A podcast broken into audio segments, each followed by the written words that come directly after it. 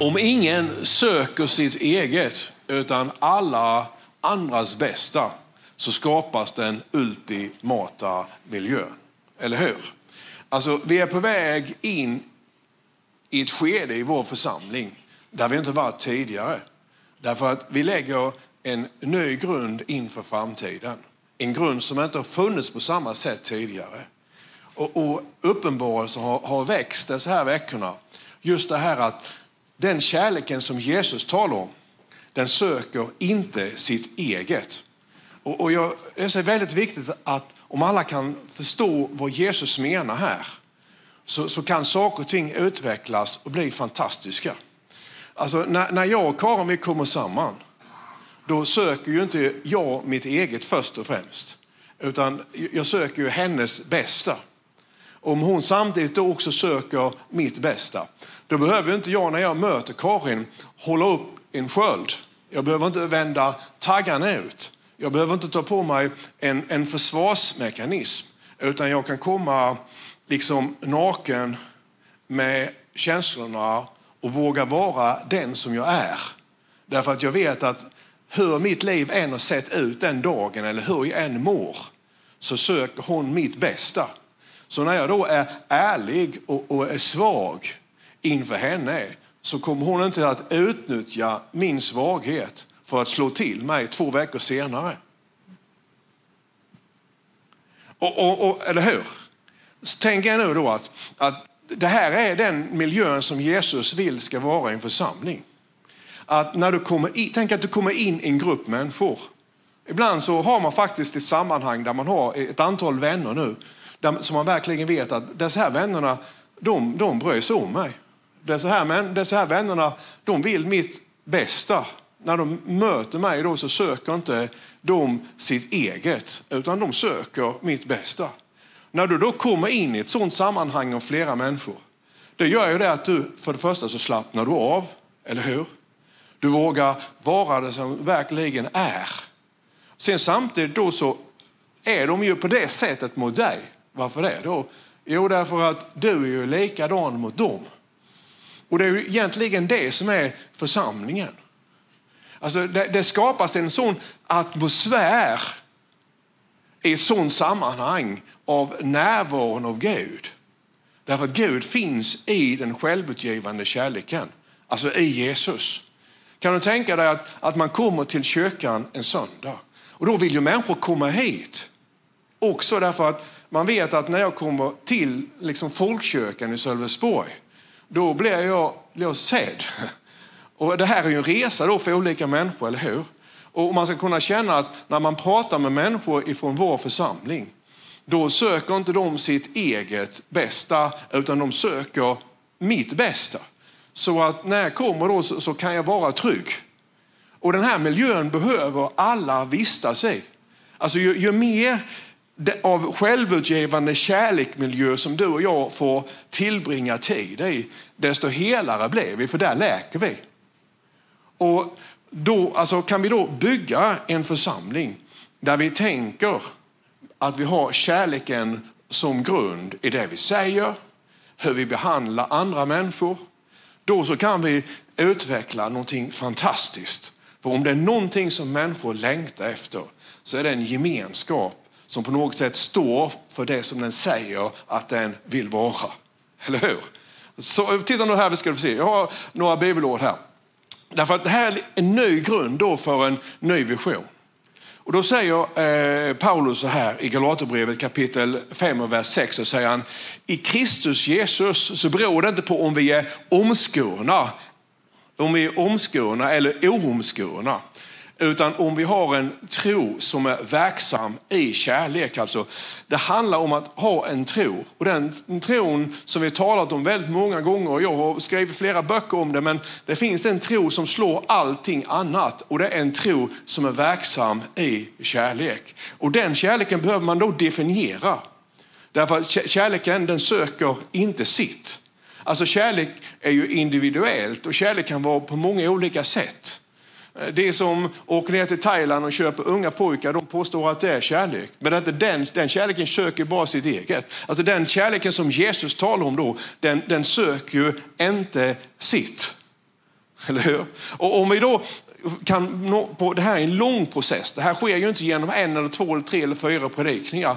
Utan det här är en process som vi startar där vi eh, tar upp kanske det här på årsmötet och bestämmer och röstar om att det här är grunden för vår församling med kärleken som grund. Och säger, kan man rösta om det som Gud har sagt? Det kan man visst göra. Därför att du vet David, när, när eh, profeten Samuel kommer till Isaia, hans pappa, och säger att eh, Gud han ser inte på människor som människor ser på människor utan ser till hjärtat. Och till sist då så smörjer han och han avskiljer David till konung i Israel. Sen tar det lång, lång tid. Och innan han blir kung i Israel så röstar de om att han ska vara kung i Hebron. Och några år senare, då, sju år senare tror jag, så röstar de en gång till i Jerusalem om att eh, Abraham, eller David ska vara kung. Så att det här med att vi röstar om saker och ting som Gud har sagt kan vi göra. Det är bara det att fler människor känner igen vad Gud han har sagt i anden. Eh, för Jesus har ju sagt det, han har befallt. Alltså, du har inte eh, eh, ett alternativ när det just den här frågan om du vill följa Jesus. För Jesus han har befallt dig och mig att vi ska älska varandra. Och nu är ju det här en process. Därför att saker och ting händer under veckan när vi möter människor som gör att, att, att vi kanske inte alltid sätter kärleken först. Utan då får vi hjälpa varandra. Och det är samma sak när man är i en relation då. Så, så kan det vara så att, att det, det, ibland så är det 60-40 och ibland så är det 40-60. Det, det beroende på vad som händer i ditt och mitt liv. Därför det finns saker och ting som, som gör att, att, att vi blir arga, blir saker och ting som gör att vi, vi blir vreda, det är saker och ting som gör att vi börjar få upp en massa andra känslor och det kanske vi behöver ha. Men ändå så är det så här att målet som vi vill ha med vårt liv, det är att handlingarna är en självutgivande kärlek. Och då, om man då har, det, det är värdegrunden då, alltså syftet med en församling. Det har Jesus slagit fast. Att budskapet om riket ska predikas för alla folk. Så, så att vi är ingen förening.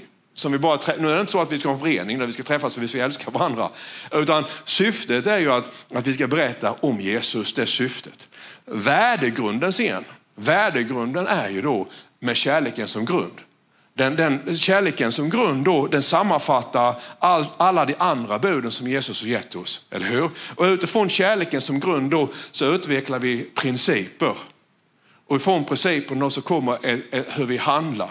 Och nu när vi handlar då så kan vi till sist, utifrån våra handlingar, så kan vi nå målet. Därför att det här är en fantastisk miljö att få vara i. Alla människor, tror jag, jag tror det, alla människor vill vara i en miljö där det finns människor som inte söker sitt utan i kärlek söker den andras bästa. Har du tänkt på det?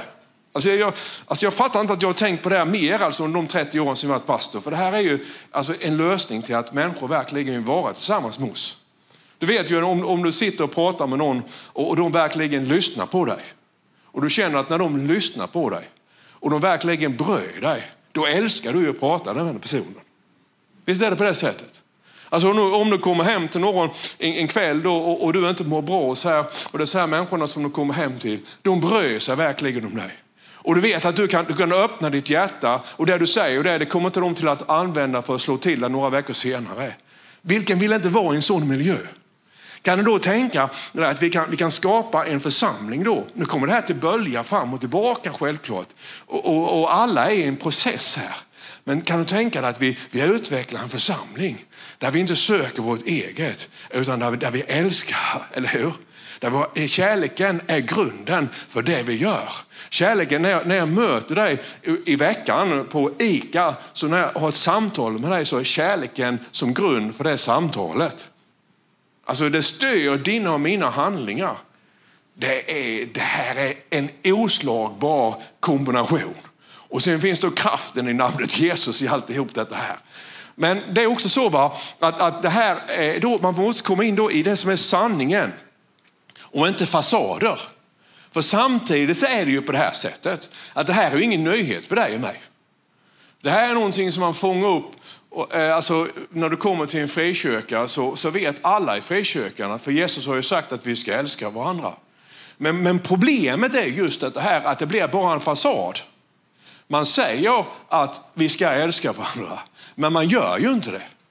Alltså jag har varit pastor nu i 30 år. Jag har hört både det ena och det andra. Och jag har predikat i sammanhang, jag har predikat i sammanhang här där människor har haft oerhört starka känslor mot varandra. De har inte hälsat på varandra och man har gjort alla möjliga saker. Och man har levt, man har inte ens försökt att förlåta trots att dessa här grejerna som man har gjort mot varandra det är egentligen bara bagateller om man tittar på hur världen ser ut. Eller hur? Ja, så är det. va. Och, och, och ändå så, så har man en fasad om att man lever i förlåtelse, att man lever med att älska. Men, men egentligen så gör man inte det. Utan här går ju tillbaka till om vi menar allvar med Jesus. Och då, då, då, när jag satt och förberedde mig för det, med det här då, så tänkte jag så här att när jag nu säger det här. För det är väldigt lätt att man tänker så här att kärleken söker inte sitt. Alla håller med om det. Så säger jag att, att det här måste ju ändå vara värdegrunden för vår församling, att vi ska ha kärleken som grund. Alla håller med om det. Men sen så när man tänker lite grann till så börjar man tänka så här att ja, det tycker jag om. Alltså, eller jag håller med dig Tommy. Och sen så börjar man då, istället för att peka på sig själv, så börjar man peka på, för hon David, hon lever inte kärlek. Och han David, han lever absolut inte kärlek. Och hon David så lever inte kärlek. Och han David, han sa det. Och den familjen de gör så, det är minsann ingen kärlek. Nej, nej, det är inte det det här handlar om. För då är man tillbaka i frikyrkofasaden där man pekar på andra. Ska, ska vi kunna göra detta här, och jag och Karin har pratat om det och vi ska prata med många av våra ledare, så ska, ska jag kunna leda in i detta här tillsammans med de andra ledarna så måste jag börja med mig själv. Jag kan inte peka på dig. Jag kan inte tycka så, men du borde göra så här. Ni får peka på mig hur mycket ni vill. Du kan inte peka på andra. Du måste peka på dig själv.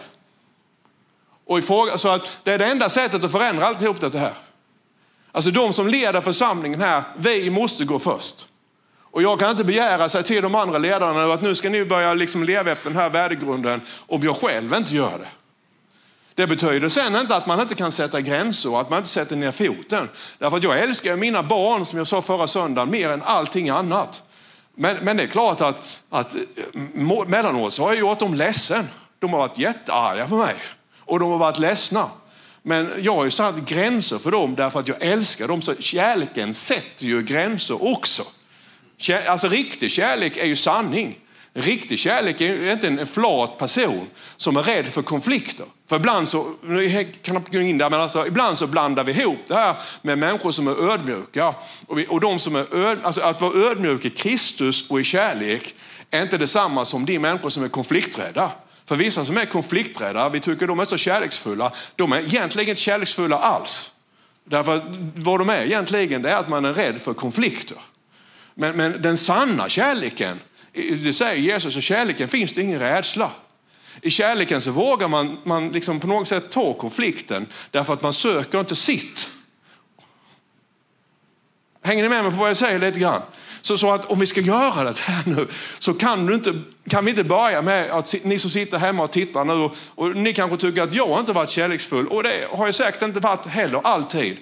Eh, eh, absolut inte. Men du kan inte börja med att peka på mig, men jag ska försöka göra mitt bästa. Och jag kan inte börja med att peka på er, utan jag måste börja, börja prata med mig själv att jag ska leva det här livet. När jag sen lever det här livet så kan jag börja ställa krav på min fru Karin att hon ska leva det också. Eller, det är, upp, är du med mig? Men jag kan, inte, jag kan inte säga till Karin att nu är det minsann du och jag är huvud i familjen, nu ska du underordna dig. Utan, utan här är det ju till då att jag så att säga börjar själv då att leva det här livet tillsammans med församlingen. Är ni med mig här?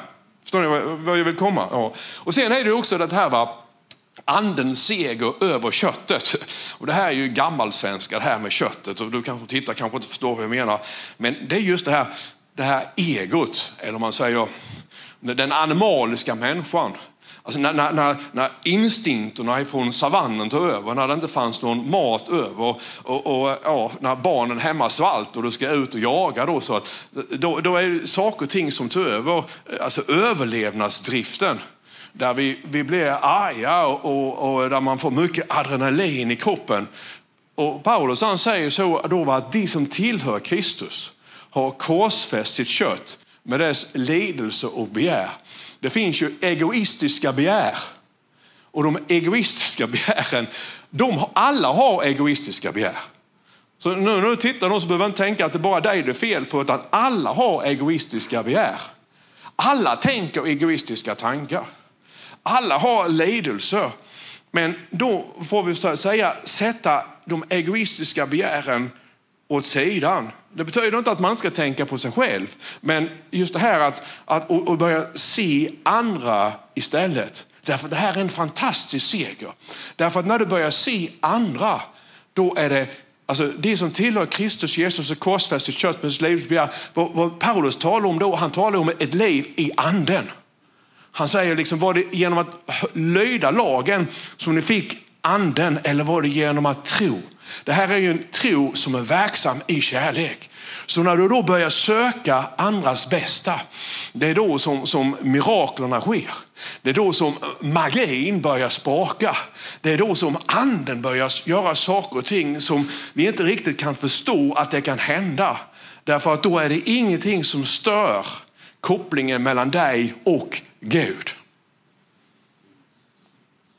Så att kan ni tänka er om Sveriges kristna alla skulle börja leva efter den här devisen. Inte bara som en fasad då. Fridbroder, jag älskar dig väldigt mycket. Men du kan fara åt skogen, tänker du på insidan. Är, är ni med mig här? Alltså det, det, är ju så. va. Och, och, det är väldigt lätt att älska precis när man är i gudstjänsten då. Det är svårare när det är måndag morgon. Eller torsdag eftermiddag när det är stressigt och jobbigt. Och den här processen har vi ju allesammans. Alltså det här att, att, att, det här att, att inte söka sitt eget, det, det, är inget, det är en sak som man bestämmer sig för. Det är en attityd som man, man, man strävar efter. Men det är inte någonting som är konstant i ditt och mitt liv. Jag är en känslomänniska, jag är aldrig på samma humör. Från morgon till morgon och det skiftar från timme till timme och från eftermiddag till kväll. Så därför är det ännu viktigare för sådana som jag att man verkligen bestämmer sig för att ta kärleken som grund när känslorna de svallar både hit och dit. Eller hur? Ja, så är det va. Okej, okay, för det här, nu kommer jag till någon, nästa sak då, för det här hör ihop då. Då säger Paulus här, och jag, jag satt och läste Bibeln här när jag var i bön här en morgon nu. Och jag förstod inte varför jag skulle läsa Romarbrevet 1, för jag tänkte det har inte med det att göra som jag predikar nu. Men han säger så här va, att Gud som jag tjänar i min ande, när jag förkunnar evangeliet om hans son. Jag ska, ta, jag ska ta det här med att inte söka sitt eget med kärleken som grund och sen ska jag kombinera det här med en sak här nu så ska vi slå ihop det på slutet. Så vi är på väg någonstans, kan du säga det? Vi är på väg någonstans. Ja, alltså så Gud som jag tjänar i min ande när jag förkunnar evangeliet om hans son. Mm. Och Gud är andes och de som tillber honom måste tillbe ande sanning. Så att, så att, vad är det här med ande då Tommy? Ja, det är den inre människan. Alltså, det är, några skulle säga att det är själen, men det är inte heller, för Bibeln skiljer mellan ande, själ och kropp. Men det, det är den gudomliga delen i människan. Alltså, så vad han säger, Paulus, med min inre människa, med anden i mig, så tjänar jag Gud. Och då kommer ju frågan, hur kan man tjäna Gud? Alltså med anden, det låter ju jättekonstigt. Gud som man inte kan se. Och därför så måste du komma i kontakt med Gud. Och Gud är ju ande. Och det är därför som Jesus han säger här i Johannes 4.24 att Gud är ande. Och du måste tillbe honom i ande och sanning. Och, och det var som Malvina med sa här i inledningen, va? att, att Gud han är i det fördolda. Så när du går in i din bönekammare och stänger dörren så, och sluter dina ögon så, så är Gud där. Gud är här också. Och vi kan uppleva honom på insidan. Och sen är det här att, att då måste du tillbe honom i, i sanningen. Så därför så, så, måste vi gå till oss själva då så vi kommer in i ljuset. Så det som är lögn i oss, det måste vi göra upp med. Så att det som är sanningen, det är det som genomströmmar oss. Och en sanning som är då att vi inte ska söka vårt eget, utan vi ska älska andra, eller hur? Men om vi har det som en fasad då att vi älskar andra människor. Men å andra sidan så har vi alla andra attityder på insidan. Vi försöker inte ens bli av med dem. Då är vi ju inte sanningen. Utan det handlar om att, om att komma till Gud, till, till Guds anden. Jag ska förklara väldigt strax. Vilka kan då komma till Guds ande. För Guds anden är ju överallt. Guds ande är överallt. När vi är här nu så kan vi inte se Gud, men Guds ande är här. Och då, då vill vi komma till Guds ande. Och då står det så här va, i Hebreerbrevet kapitel 10, vers 19-20. Känd vers. Bröder säger han, eller systrar, eller ni som är troende. Alltså varje människa som tror på Jesus, att han är den han är. Alltså Gud kommen i en människas kropp, att han har dött för oss. Om du tror på det. Och du som är född i anden då, alltså ni som är, man säger att man är född på nytt, man är en ny skapelse i Jesu Kristus, man är troende på Gud. Då är man uppkopplad mot anden. Det står här, bröder i kraft av Jesu blod kan vi därför frimodigt, du behöver inte skämmas, du behöver inte känna skam, utan du kan frimodigt gå in i det allra heligaste på den nya och levande väg som han har öppnat. Alltså han har öppnat någonting, kan du säga han har öppnat någonting? Ja, Jesus han har öppnat en dörr. Han har öppnat för oss genom förhänget, det vill säga sin kropp. Alltså det här syftar på gamla testamentet och när man gick in i det allra, allra heligaste, översteprästen, han gjorde det en gång om året och där var Guds närvaro så påtaglig så att man hade ett rep om hans ena ben.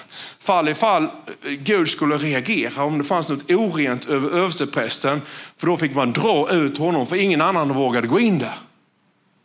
Men nu så har du och jag, när vi har kommit till Jesus, för Jesus han har stigit in i själva himmelen. Han har stigit in i själva himmelen. Jesus han har stigit in i det riktiga templet. Och där har han offrat sig själv för dig och mig. Så du och jag, det är det som vi gör i det fördolda. När Jesus han säger stig in i din kammare i det fördolda. När du sluter ögonen och tänk på det. Då gör du samma sak där som översteprästen gjorde en gång om året på försoningsdagen. När han gick in i det allra, allra heligaste. När du och jag vill sluta ögonen i den här gudstjänsten och säger Jesus, jag vill komma till Fadern nu. Jag vill komma till Gudsanden. Jag vill komma till Gud. Då är den här dörren öppen. Då kan du här och nu, där vi är just nu, så kan du stiga in i det allra heligaste inför Gud och få kontakt med Gud. Och Det här är helt fantastiskt. Och man säger Tommy, vad behöver jag göra då? Ja, det var som Paulus han skriver, va? alltså en tro verksam i kärlek. Det, när han säger då det här handlar inte om om det är omskuren eller oomskuren. För det här, för det här då, då är det en prestation. Att, att få komma till Gud är inte en prestation. Alltså det handlar inte om hur mycket du bett eller hur mycket bibel du har läst eller hur bra eller dålig du är. Det handlar om en kärlek verksam i tro. Vilken kärlek är verksam i tro? Jo, det här är dubbelt. Det här är svärd som fungerar på bägge sidor. Lyssna på mig. En kärlek verksam i tro. Vem var det som öppnade vägen in i det allra heligaste för dig och mig? Det var Jesus. Hur öppnade han vägen? Jo, genom en kärlek som var verksam i tro. Eller hur? Han kom ju av kärlek. Han dog av kärlek för att i kärlek öppna en väg till dig och mig. Så att när vi går in i det fördolda, stänger dörren när ingen annan ser oss. När du ligger på knäna över din säng på kvällarna och gråter, då är du inför det allra, allra heligaste. Du behöver inte bli överstepräst och gå in där på försoningsdagen, utan du kan gå in där på grund av nåd, av att du tror. Eller hur? Och på samma sätt då så, så vill ju Jesus då att du och jag vi lever, vadå? I en kärlek som är verksam i tro. Så vi får komma till Gud. Men titta nu här ska vi se vi på nästa. Alltså han är ju då allvetande. Den helige ande och gudsanden. Det är ju det som var, som nu är och som komma skall. Och det står i eh, första Korinthierbrevet ska stå där 2.10 att anden utforskar även djupen i Gud. Så vi kan ju inte riktigt förstå det här med, med Fadern, Sonen och den helige Ande. De är tre personer men samtidigt är de ett. Så, så att Tänk dig nu att, att, när du då är född på nytt, när du tagit emot Jesus, lyssna nu väldigt noga. Då är du, på grund av det Jesus har gjort, då är du uppkopplad mot Gud. Alltså i anden så är du upp genom den heliga ande. Det är därför som Jesus han säger jag måste gå bort för att jag ska sända den heliga ande. Så då är du alltså uppkopplad mot det totala medvetandet i universum. När, när du och jag vi ber här vi nu på slutet och du verkligen tror. Då, då är du uppkopplad genom den, den heliga ande som vi inte kan se. Och genom Gud som är ande, det är samma ande så är du uppkopplad mot Guds anden.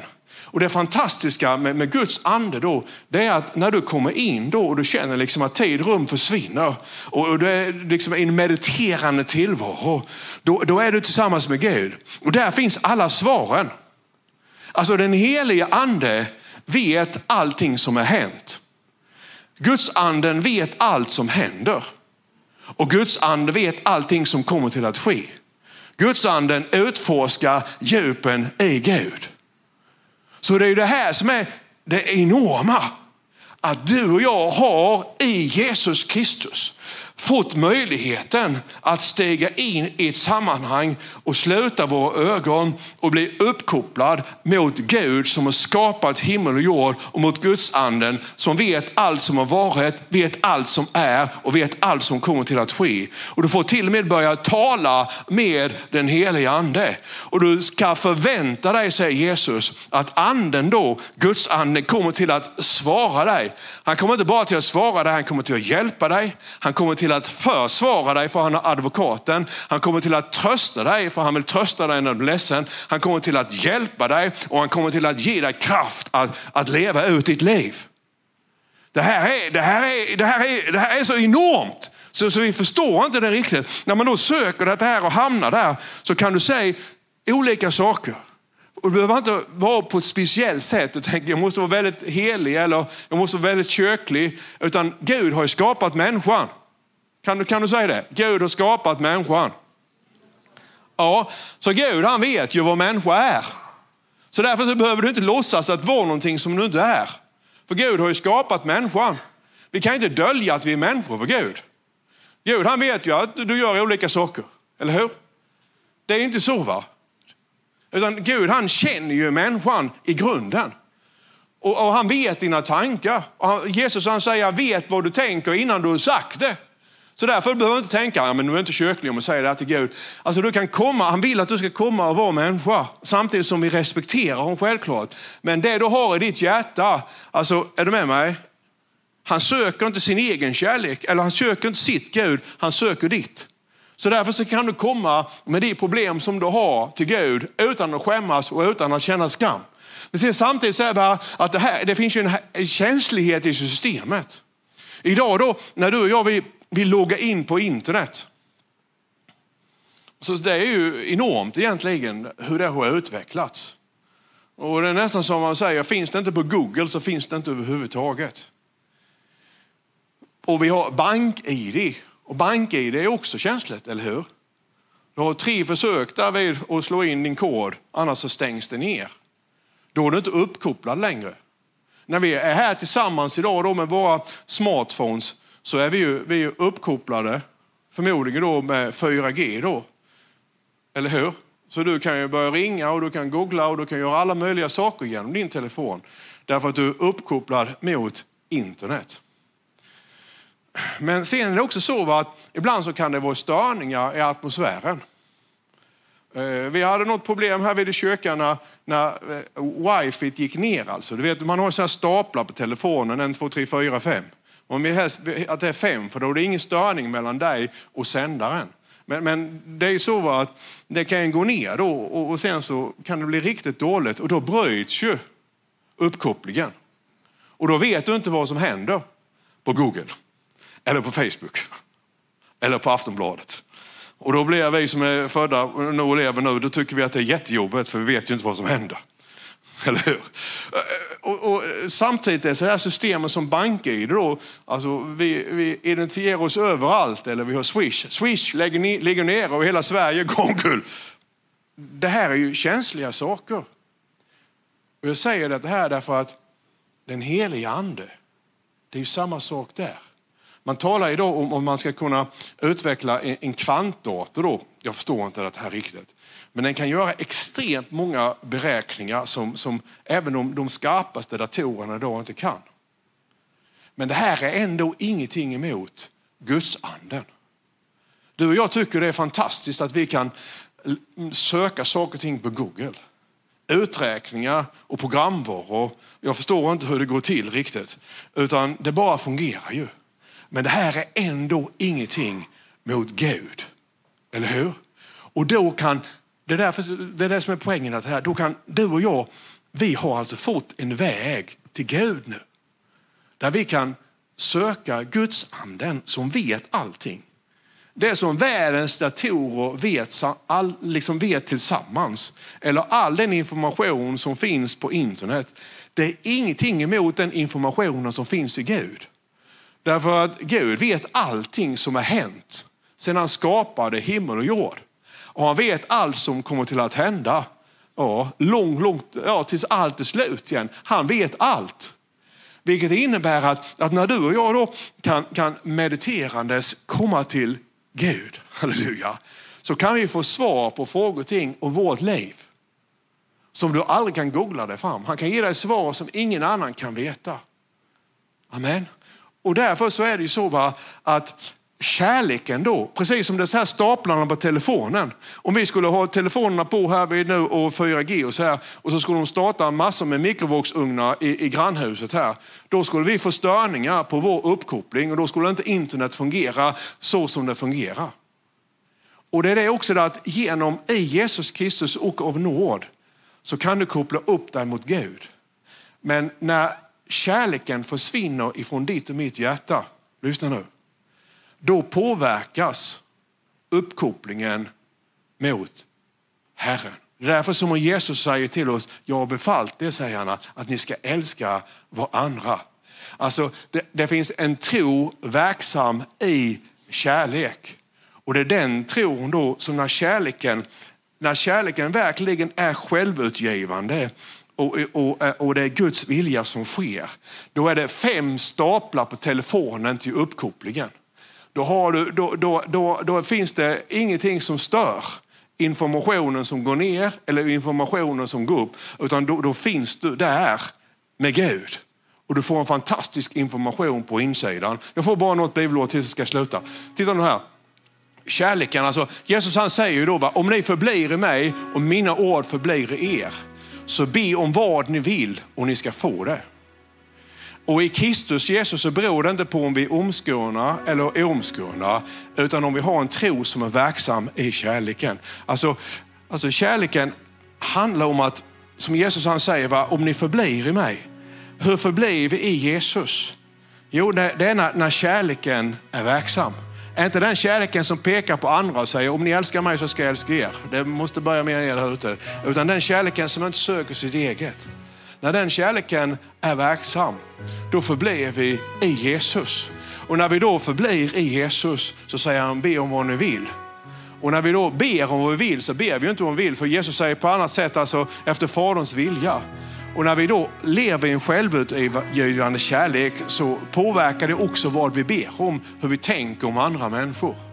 Och det är ju det som är den stora skillnaden. Lyssna nu på mig. För, för att de här två sakerna hänger samman. Om vi blir en, en församling som är grundad i kärlek så är det, är det fantastiskt, för en sån miljö vill människor vara i. Men sen måste vi också ha den heliga ande. Anden och kärleken. För om, om vi bara har kärleken så blir vi som en kärleksfull förening. Och vi är inte en förening, vi är en kyrka. Det som skiljer en, en fantastisk gemenskap utan anden och en kyrka, det är att kyrkan i så fall har, har den helige ande också. Så att när människor kommer så vill de se liksom en tro verksam i kärlek. Men sen samtidigt så, så söker man ju Gud. Man söker Guds anden, man söker Jesus. Och när vi då älskar, inte genom en fasad, utan verkligen med, med ett hjärta, och samtidigt söker Jesus och önskar att den heliga ande ska komma över människor och beröra människor. Då kommer den här atmosfären att röra sig i rummet. Jag kan känna att det är här nu. Hade vi haft förbön här nu, ska vi inte ha det, så hade saker och ting börjat hända. Varför det då? Därför att i, i det, den här typen av budskap, som inte är mitt budskap, utan det är Jesus som predikat det här i, liksom i Nya Testamentet, där rör sig Guds anden. Halleluja. Och, och, eh, när du då kan också komma in, när du sitter när du sitter hemma då i bön och sluter dina ögon. Efter en stund då så kan saker och ting stanna av. Så du vet att nu är jag i det allra heligaste. Jag kan inte förklara det, jag fattar inte det. För många gånger så tänker vi så att Gud är där. Men om du då bor i Nya Zeeland så är Gud där. Alltså Gud är inte där och Gud är inte där. Gud är inte där, Gud är inte där. Utan Gud han är i en dimension som vi inte kan fatta. Så när du därför sluter dina ögon så kommer du in inför tronen och inför honom. Och där kan du nu, när du har ett rent samvete, då kan du nu börja söka information som du bara kan få från den helige Ande.